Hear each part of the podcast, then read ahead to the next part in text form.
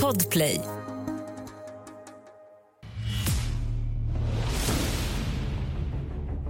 Rivalerna är podden om bittra fiender som grälar. Det kan vara miljarder kronor som står på spel eller handla om vem som sa vad om vem på Instagram. Men oavsett vad det går ut på så är känslorna starka. Så starka att det nästan blir på liv och död. Det här är Mattias Bergman och Andreas Utterström. I detta avsnitt av Rivalerna. I ena ringhörnan en slug lillebror, Jan Stenbeck. I den andra en intelligent stora syster Margareta av Ugglas. I Sveriges vildaste bolagsstämma en kamp om makt, känslor och familjemiljarder.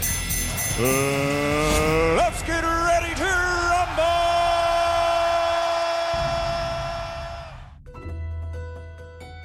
Släkten är värst, heter ett av de mest sanna ordspråken. Man bråkar ju inte med folk som man inte har nära band till. Men när det är blod inblandat, då svallar känslorna desto hetare.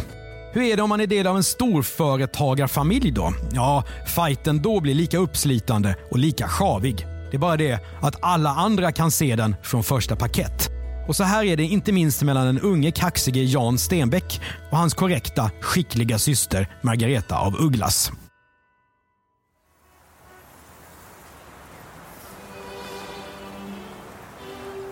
Det har börjat med uppväxten i samma lägenhet. Men den lägenheten har å andra sidan plats så att det räcker. På Villagatan 13 på Östermalm i Stockholm ligger den. 427 kvadratmeter stor och inrymmande en hel drös med sovrum. Förresten är det här samma hus där tidernas största skandalfinansgubbe Ivar Kryger har bott. Hur har man råd med en sån här magnifik våning? Jo, den som hör till den förmögna industrifamiljen Stenbeck behöver inte oroa sig. Här bor pappa Hugo, mamma Märta och de fyra barnen. Hugo Stenbeck, en av landets skickligaste affärsjurister och hans stenhårda arbete har byggt upp förmögenheten. Han är delägare i företag som Korsnäs, Fagersta och Sandvik. De där ska vi lägga på minnet förresten. Makten utgår från investeringsbolaget Kinnevik som Hugo har grundat 1936 tillsammans med de gamla fina släkterna Klingspor och von Horn. Det blir mycket namn här, men egentligen är det inte så svårt. För om vi ska generalisera lite grann. Pappa Hugo han arbetar. Den viljestarka och smarta mamma Märta tar hand om familjen. De fyra barnen växer upp på 30 och 40-talen i en privilegierad miljö på Östermalm. Hugo Junior, Elisabeth, Margareta och lillebror Jan. Men det som grundläggs i den här familjen är inte bara trygghet och rikedom. Alla i familjen ska också få sin roll i en uppslitande rivalitet. Men den fighten kommer handla mest om Margareta och Jan. Hon är duktig och ambitiös. Margareta blir ekonom från Handelshögskolan i Stockholm och pluggar i Cambridge. Hon kommer att jobba som ledarskribent på Svenska Dagbladet, på tidningen Veckans Affärer och som redaktör för Svensk Tidskrift. Fina jobb för en person med topputbildning.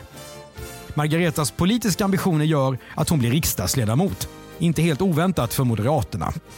Margareta av Ugglas är högkompetent. Men att hon ska vara den som tar över familjens finansaffärer efter pappa, det kommer inte i fråga. Äldste sonen Hugo Junior är ämnad för det. Kanske är det för att hon inte är äldst, kanske lite grann för att hon är kvinna. Men också för att pappa Hugo senior inte gillar Margaretas make Bertil av Ugglas. Hans släkt står nämligen Wallenberg för nära och Stenbeckarna är mycket skeptiska till den familjen.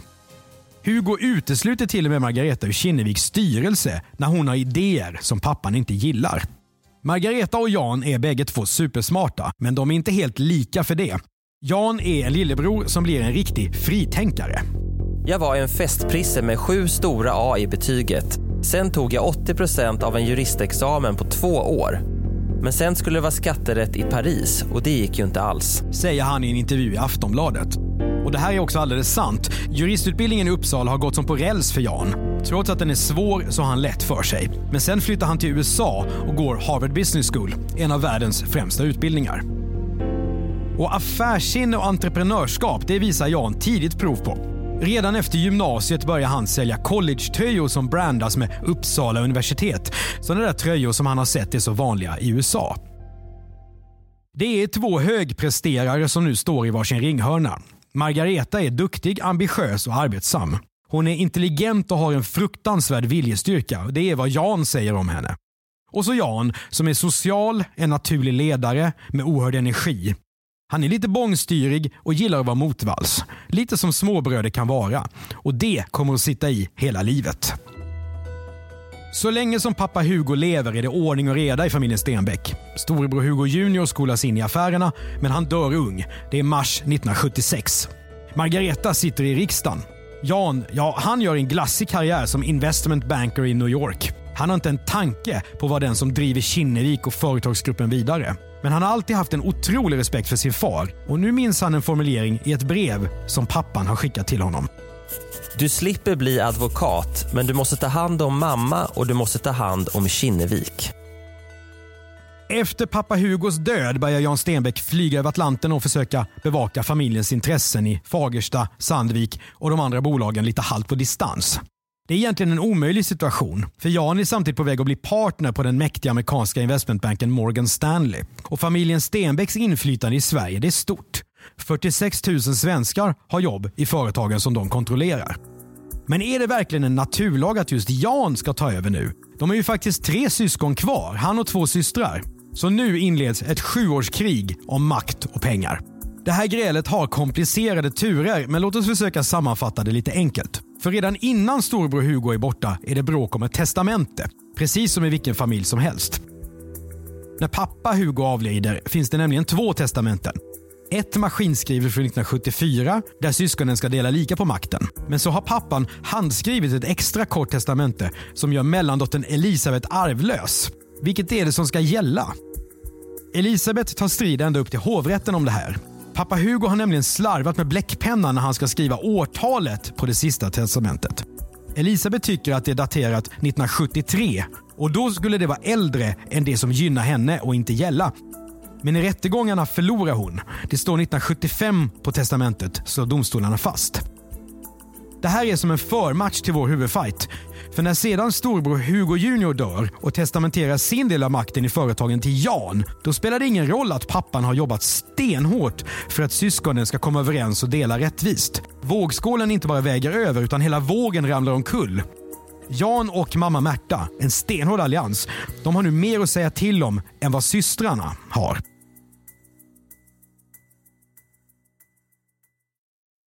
Jan har som sagt inte riktigt bestämt sig för att gå all in i familjeaffärerna.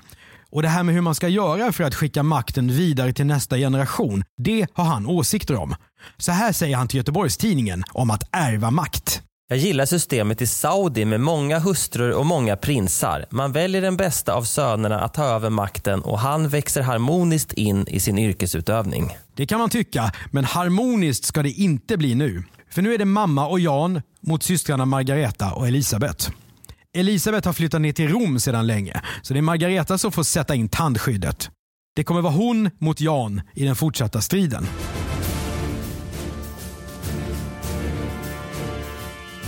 Jan säger att det egentligen finns konflikter mellan Margareta och mamma Märta. Och då har han valt mammas sida. Men att det är han som står emot systrarna, det är alla bedömare ganska överens om.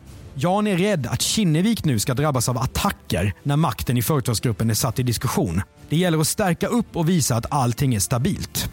Jan vill enkelt uttryckt köpa ut Margareta och Elisabeth. Och här är det då hembud som gäller, alltså systrarna måste först sälja till andra familjemedlemmar. Men då får de lägre pris än om de skulle sälja sina aktier till vem som helst. Nu blir det fight i rättssalar igen.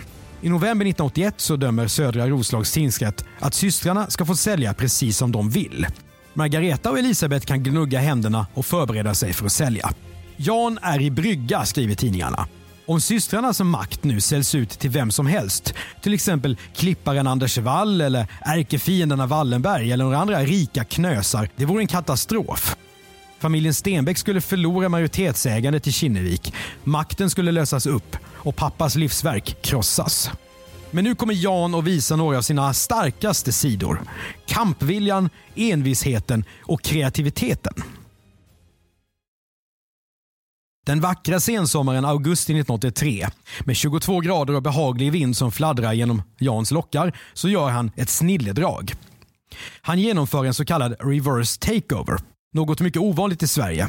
Mycket enkelt uttryckt är det så här. Kinnevik är Stenbecks maktbolag. Där ligger ägandet i de andra företagen. Och nu ser Jan till att ett av de företagen, Fagersta, köper mamman Kinnevik. Vad skulle det här då betyda för syskonkänslan? Jo, Margareta och Elisabeths makt blir avsnoppad och mamma Märta och Jan de säkrar makten från attacker. Det här är inte bara komplicerat för en lekman. Det har nästan aldrig hänt i Sverige förut och den här dealen är mycket kontroversiell. Det här hör till den högre skolan i transaktionsaffärer. Skriver DNs börskommentator Sven-Ivan Sundqvist som försöker förklara alltihop på ett pedagogiskt sätt. För den här smockan från Jan drabbar ju inte bara Margareta utan också en massa småsparare som har lite aktier i Kinnevik. Och nu blir det ett förbannat liv. Syster Margareta riskerar att i ett slag snuvas på makten. Att hon kan sälja sina aktier ute på marknaden spelar ju ingen roll när det är Fagersta som har allt det göttigaste. Jan och mamma kör sitt race. Kinneviks revisor som ska kolla att företaget sköter sin redovisning och en massa formaliteter. Han heter Knut Ranby och han kliver in i ringen från sidan med en riktig uppercut. Det visar sig att Jan och kompani har gjort fel i ett dokument där Ranby skrivit under på att affären mellan Fagersta och Kinnevik skulle gå rätt till. Nu ångrar sig Ranby. Och när revisor Ranby säger att den här stora affären inte är okej okay, då blir också börschefen Bengt Grönqvist ilsken. Först stoppar han bolagen från handel på börsen. Sen kastar han ut Fagersta från börsen helt och hållet. Och Det är någonting oerhört. Börsen är inte till för att lösa familjegräl. Ryter Grönqvist. Expressen intervjuar honom nämligen sittande på motionscykel i källaren i börshuset. När de kammat sig och uppför sig som man ska kan de komma tillbaka till börsen. Fnyser han om Stenbecks Kinnevik. Men nu är Jan Stenbeck en ny älskling i medierna. En syskonfight om miljarder, ja det är kittlande. Och dessutom är Jan oerhört hemlig. Det finns knappt några foton av honom utan journalisterna får nu ringa exotiska utlandssamtal och jaga honom för att få kommentarer. Men han säger i alla fall vad han tycker om börschefen Bengt Grönqvist. Han påminner mig om gymnastikläraren på skoldanserna. Han var mycket aktiv men lyckligt ovetande om vad som försiggick. Säger Jan till Svenska Dagbladet. Det några fler som är arga då? Ja, vi kan ju ta Gunnar Grundström. Han är VD för intresseorganisationen Aktiespararna. Han går på bolagsstämmor och ska då bevaka småsparares intressen. Grundström tycker att de här små aktieägarna i Kinnevik nu kommer i kläm. Börschefen, Aktiespararnas VD, en och annan upprörd börskommentator, men argast är nog ändå Margareta och revisorn Knut Ranby. Och Ranby blir den som liksom fixar fighten. Han kallar till en extra bolagsstämma. Ranby vill skjuta upp affären och nu har han till och med polisanmält Kinnevik, bolaget som han själv är revisor i. Ja, det är sju års fight här och vi har ju redan hört hur snärjigt det är. Men allting ska nu avgöras en gång för alla på utsatt plats vid den extra bolagsstämman. I ringhörnorna Jan 41 och Margareta 44. Ska Jan gå ut ur stämman som den som behåller makten eller går hela affären i stöpet? Sekonderna kommer inte att lämna ring. Ett poddtips från Podplay. I podden Något Kaiko garanterar östgötarna Brutti och jag, Davva, dig en stor dos skratt. Där följer jag pladask för köttätandet igen. Man är lite som en jävla vampyr. Man har fått lite blodsmak och då måste man ha mer. Udda spaningar, fängslande anekdoter och en och annan arg rant. Jag måste ha mitt kaffe på morgonen för annars är jag ingen trevlig människa. Då är du ingen trevlig människa, punkt. Något Kaiko, hör du på Podplay. Därför är gardinerna.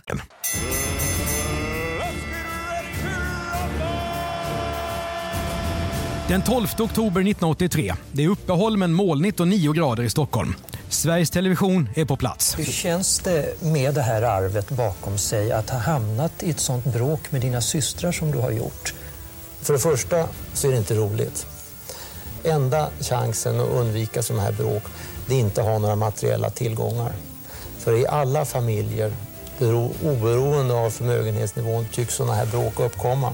Man bråkar om möbler, man bråkar om sommarställen, man bråkar om hundar och katter, veckotidningar och allting. Jan har tvekat om han ens ska vara med på bolagsstämman. Han firar sin dotter Kristinas sexårsdag på Disney World i Florida. Två veckor före stämman säger han så här. Om det ska bli ett mediaevenemang där alla ska stå upp och skälla och jag ska stå till svars som förbrukad och paranoid, nej, då ägnar jag mig hellre åt produktivt arbete här i New York. Men så ändrar han sig och säger till Expressen. Jag måste försöka hålla igen mamma Märta. Hon är så arg på allt det här att jag är rädd att hon springer iväg på bolagsstämman och klappar till någon med paraplyet.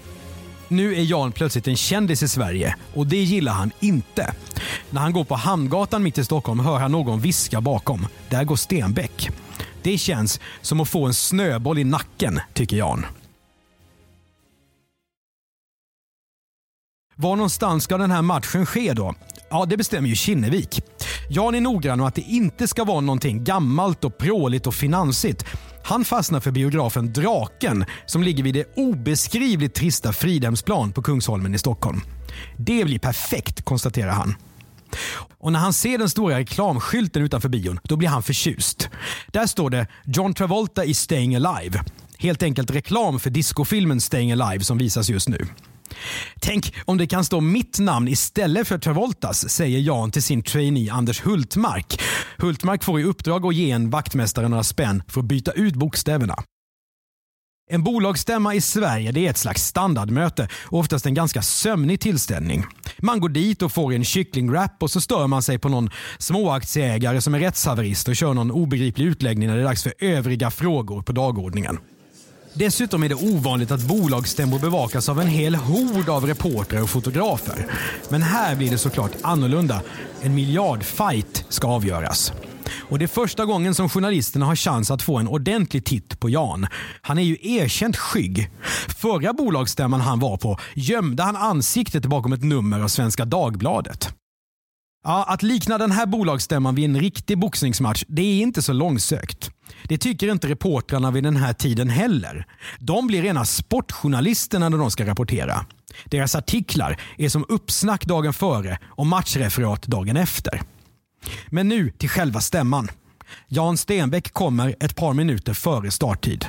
Han ser värdig ut i alla fall, viskar en av småägarna. En sån där vanlig sparare som vi som kanske har 10-15 aktier i Kinnevik. Annat är det såklart med Jan och Margareta. De har mängder av andelar och makt. Fagersta som ska köpa Kinnevik, alltså Jan-sidan, de har fått ihop 54% av aktierna i Kinnevik. Det borde ju räcka för att rösta igenom alltihop och säkra makten. Nu tar sig alla in i biosalongen. På podiet framför bioduken sitter styrelsen. Stämman ska ledas av den ärrade ordföranden Kurt Winberg, utvald av Jan.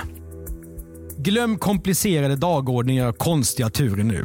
För den här stämman ställs på sin spets i en enda fråga. Ska Fagersta få rösta för sina 54 procent eller inte? En ren formalitet. Men när det kan blandas in juridik så kan det mesta leda till diskussion. En timme ungefär är rimligt att bolagsstämman ska ta. Man betar av röstlängden först och sen går man på de andra punkterna på dagordningen ganska snabbt. Men den här stämman skevar ur direkt. Styrelsen har inte delat ut dagordningen i förväg som den ska. Ja, det är det första klagomålet. Det hindret passeras, men först måste man ju reda ut det. Tiden går. Jag har aldrig varit med om något liknande. Muttrar en representant från organisationen Aktiespararna. He ain't seen nothing yet, för nu startar tre timmars fight. Varenda detalj som ordförande Winberg lyfter blir det liv om. Affärsjuristerna som jobbar för Margareta och Elisabeth knorrar om exakt allting. Det bläddras frenetiskt i permar och slås upp i aktiebolagslagen. Det här är en av få bolagsstämmor som journalister sen kan beskriva som tumult. Precis som ett slagsmål mellan bönder på en marknadsdag. Det är bara det att alla har dyrare kläder och lite fler universitetspoäng. Känslorna är starka och argumenten flyger genom salen som projektiler. En advokat vill väcka talan mot hela Kinneviks styrelse. Ordförande Winberg han vägrar. Det skulle vara någonting för en domstol. Vet inte folk varför de är här? Men Winberg lyckas sådär att hålla ihop den här fighten. Tävlingen mellan affärsjuristerna som startar så fort han har tagit upp en ny punkt på agendan gör honom uttröttad. Diskussionerna är svårbegripliga.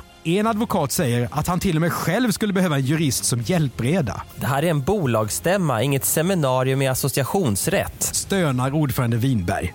Småaktieägarna, ja de morrar i bänkraderna. De ska ju också rösta för eller emot Jans affär och de fattar ingenting. En man som heter Nordenfelt ryter. Hur ska de små aktieägarna kunna fatta beslut när ni jurister är totalt oeniga om allting? Ajournera stämman och läs på. Dagny Eliasson har 48 aktier. Hon har aldrig förr varit på en bolagsstämma och nu säger hon Om det här hade sänts i tv hade det varit en underhållande fars. Men stämman visar på en skendemokrati. Det är sånt här som öppnar för löntagarfonder. Ja, löntagarfonder är kort sagt ingenting som aktieägare vid den här tiden tycker om. Alltihop är som en boxningsmatch där huvudkämparna vilar vid repen medan sekonderna, de dyra advokaterna, har kutat in i ringen och pucklar på varandra. Allt med en trött domare i mitten. Ordförande Winberg, står det i tidningarna, torkar svetten ur pannan. Men våra huvudpersoner då? Jan Stenbeck sitter ett par bänkrader snett bakom sin syster Margareta. De kan alltså snegla på varandra, men ingen ser ens åt den andres håll. Margareta är knäpptyst. Jan säger ingenting högt. Istället viskar han till Aftonbladets reporter Göran Skytte precis vad han tycker om församlingen i salongen. Den där jäveln är värre än fan själv. Säger han om Margaretas advokat. Se på den lille jäveln, han är alldeles vit i ansiktet av ilska. Säger han om Gunnar Grundström, VD för Aktiespararna.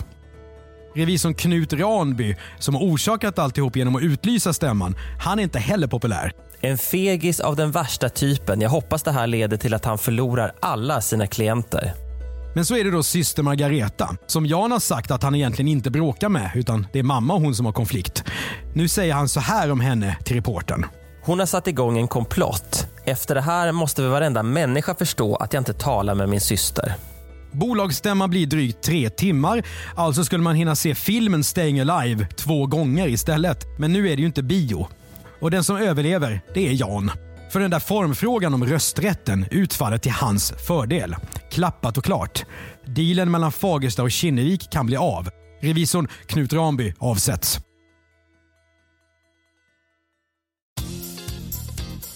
Jan vinner på teknisk knockout mot sitt eget kött och blod. Han lämnar stämman i triumf med journalisterna som uppspelta myggor omkring sig. Han poserar precis under de stora bokstäverna på fasaden. Jan Stenbeck i Staying Alive. Fotograferna får nu de första bra foton av honom. Idag är de här bilderna klassiska. Googla själv får du se. En fräsig amerikansk-svensk som inte lågmält säger “det var ju tur det här” utan är hur kaxig vinnare som helst.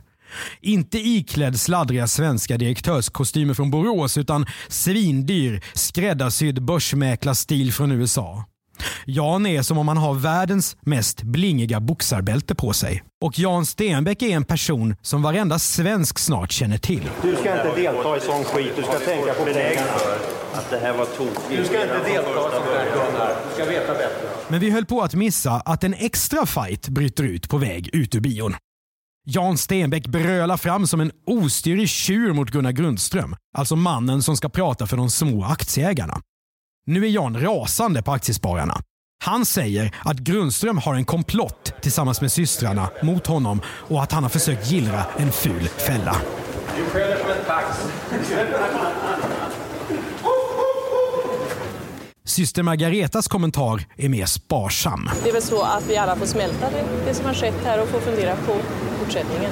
Jan Stenbeck har nu kontrollen i det som kommer att bli hans imperium. Kinnevik köper systrarna Margareta af Ugglas och Elisabeth Silverstolpes ärvda aktier.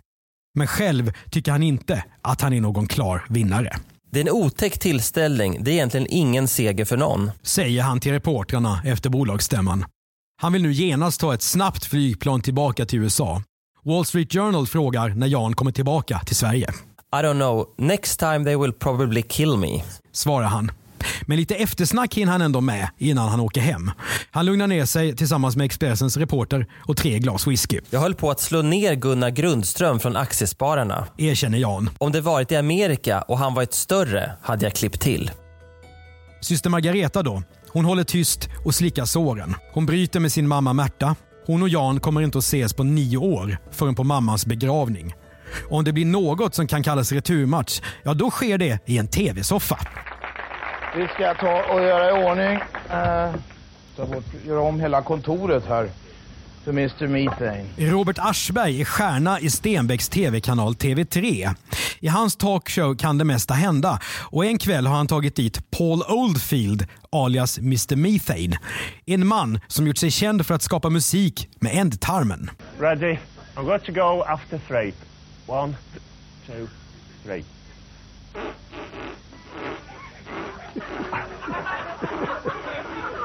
Aschberg skrattar så att han gråter, men det är såklart väldigt barnsligt. Och en som tycker det är antagligen Margareta. Jan Stenbecks syster sitter nu nämligen en meter från Mr Methane. Hon är gäst i Aschbergs soffa och Sveriges dåvarande utrikesminister. När Oldfield framför den brittiska nationalsången rör hon inte en min. Och trots den iskalla relationen mellan syskonen, det här tycker inte Jan om, kommer Aschberg senare att berätta i SVT. Men jag vet att Jan ringde nästa dag. Han hade ju då pruttat brittiska nationalsången och lite annat. Och det var väl aning känsligt för utrikesministern. Han ringde och sa, vad fan, nu tror hon att det är jag som har hittat på det där. Och det, det var inte, ja men det blev så Jan. Vad fan, vi kunde, vi hade faktiskt, det var inte genomtänkt. Hon satt väldigt allvarligt allvarlig under det där. Ingrid Segerstedt Wiberg skrattade gott åt det. Och jag skrattade så jag grät. Efter den unika bolagsstämman är Jan Stenbeck safe i sin maktposition och Margareta af Ugglas hon avslutar sin politikerkarriär. Det var aldrig en familjefejd, säger Jan till Per Andersson som skriver en bok om honom. Få skulle hålla med och all kraft som fejden med syskonen tog gjorde att Jan samtidigt förlorade det största bolaget i familjesfären. Sandvik utsätts för just en sån fientlig attack som han var rädd för. Kvar har han Kinnevik och kontrollen över Korsnäs, Fagersta och ett gäng andra företag. Tillgångar som kommer väl till pass. När Jan säger till affärsjournalister redan 1983 att Kinnevik ska satsa på elektronik och kommunikation märker man att de inte riktigt förstår vad det betyder. Idag vet vi alla bättre.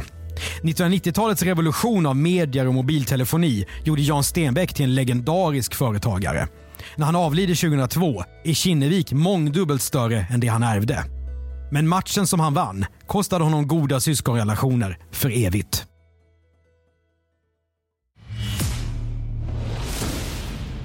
Du har hört Rivalerna, en podcast av Andreas Utterström och Mattias Bergman. I Podplay kan du också höra våra andra poddar Misslyckade brott och Jag var där. Normalt sett driver vi innehållsbyrån Commercial Content. Maila gärna dina tips på rivaler som vi borde prata om här i podden till rivalerna at commercialcontent.se. Exekutiv producent av podden är Mats Liljenberg. Kommentera och betygsätt den gärna i din poddspelare så är det fler som hittar till podden. I nästa avsnitt av Rivalerna kan du höra om bloggbråket mellan Isabella Lövengrip och Katrin Zytomierska. Frågan är, var det en äkta fight eller riggat? Det avsnittet kan du höra nästa vecka. Podplay. Ett poddtips från Podplay. I podden Något Kaiko garanterar östgötarna Brutti och jag, Davva, dig en stor dos skratt. Där följer jag pladask för köttätandet igen. Man är lite som en jävla vampyr. Man har fått lite blodsmak och då måste man ha mer. Udda spaningar, fängslande anekdoter och en och annan arg rant. Jag måste ha mitt kaffe på morgonen för annars är jag ingen trevlig människa. Då är du ingen trevlig människa, punkt. Något Kaiko, hör du på Podplay. Därför arkadeinerna.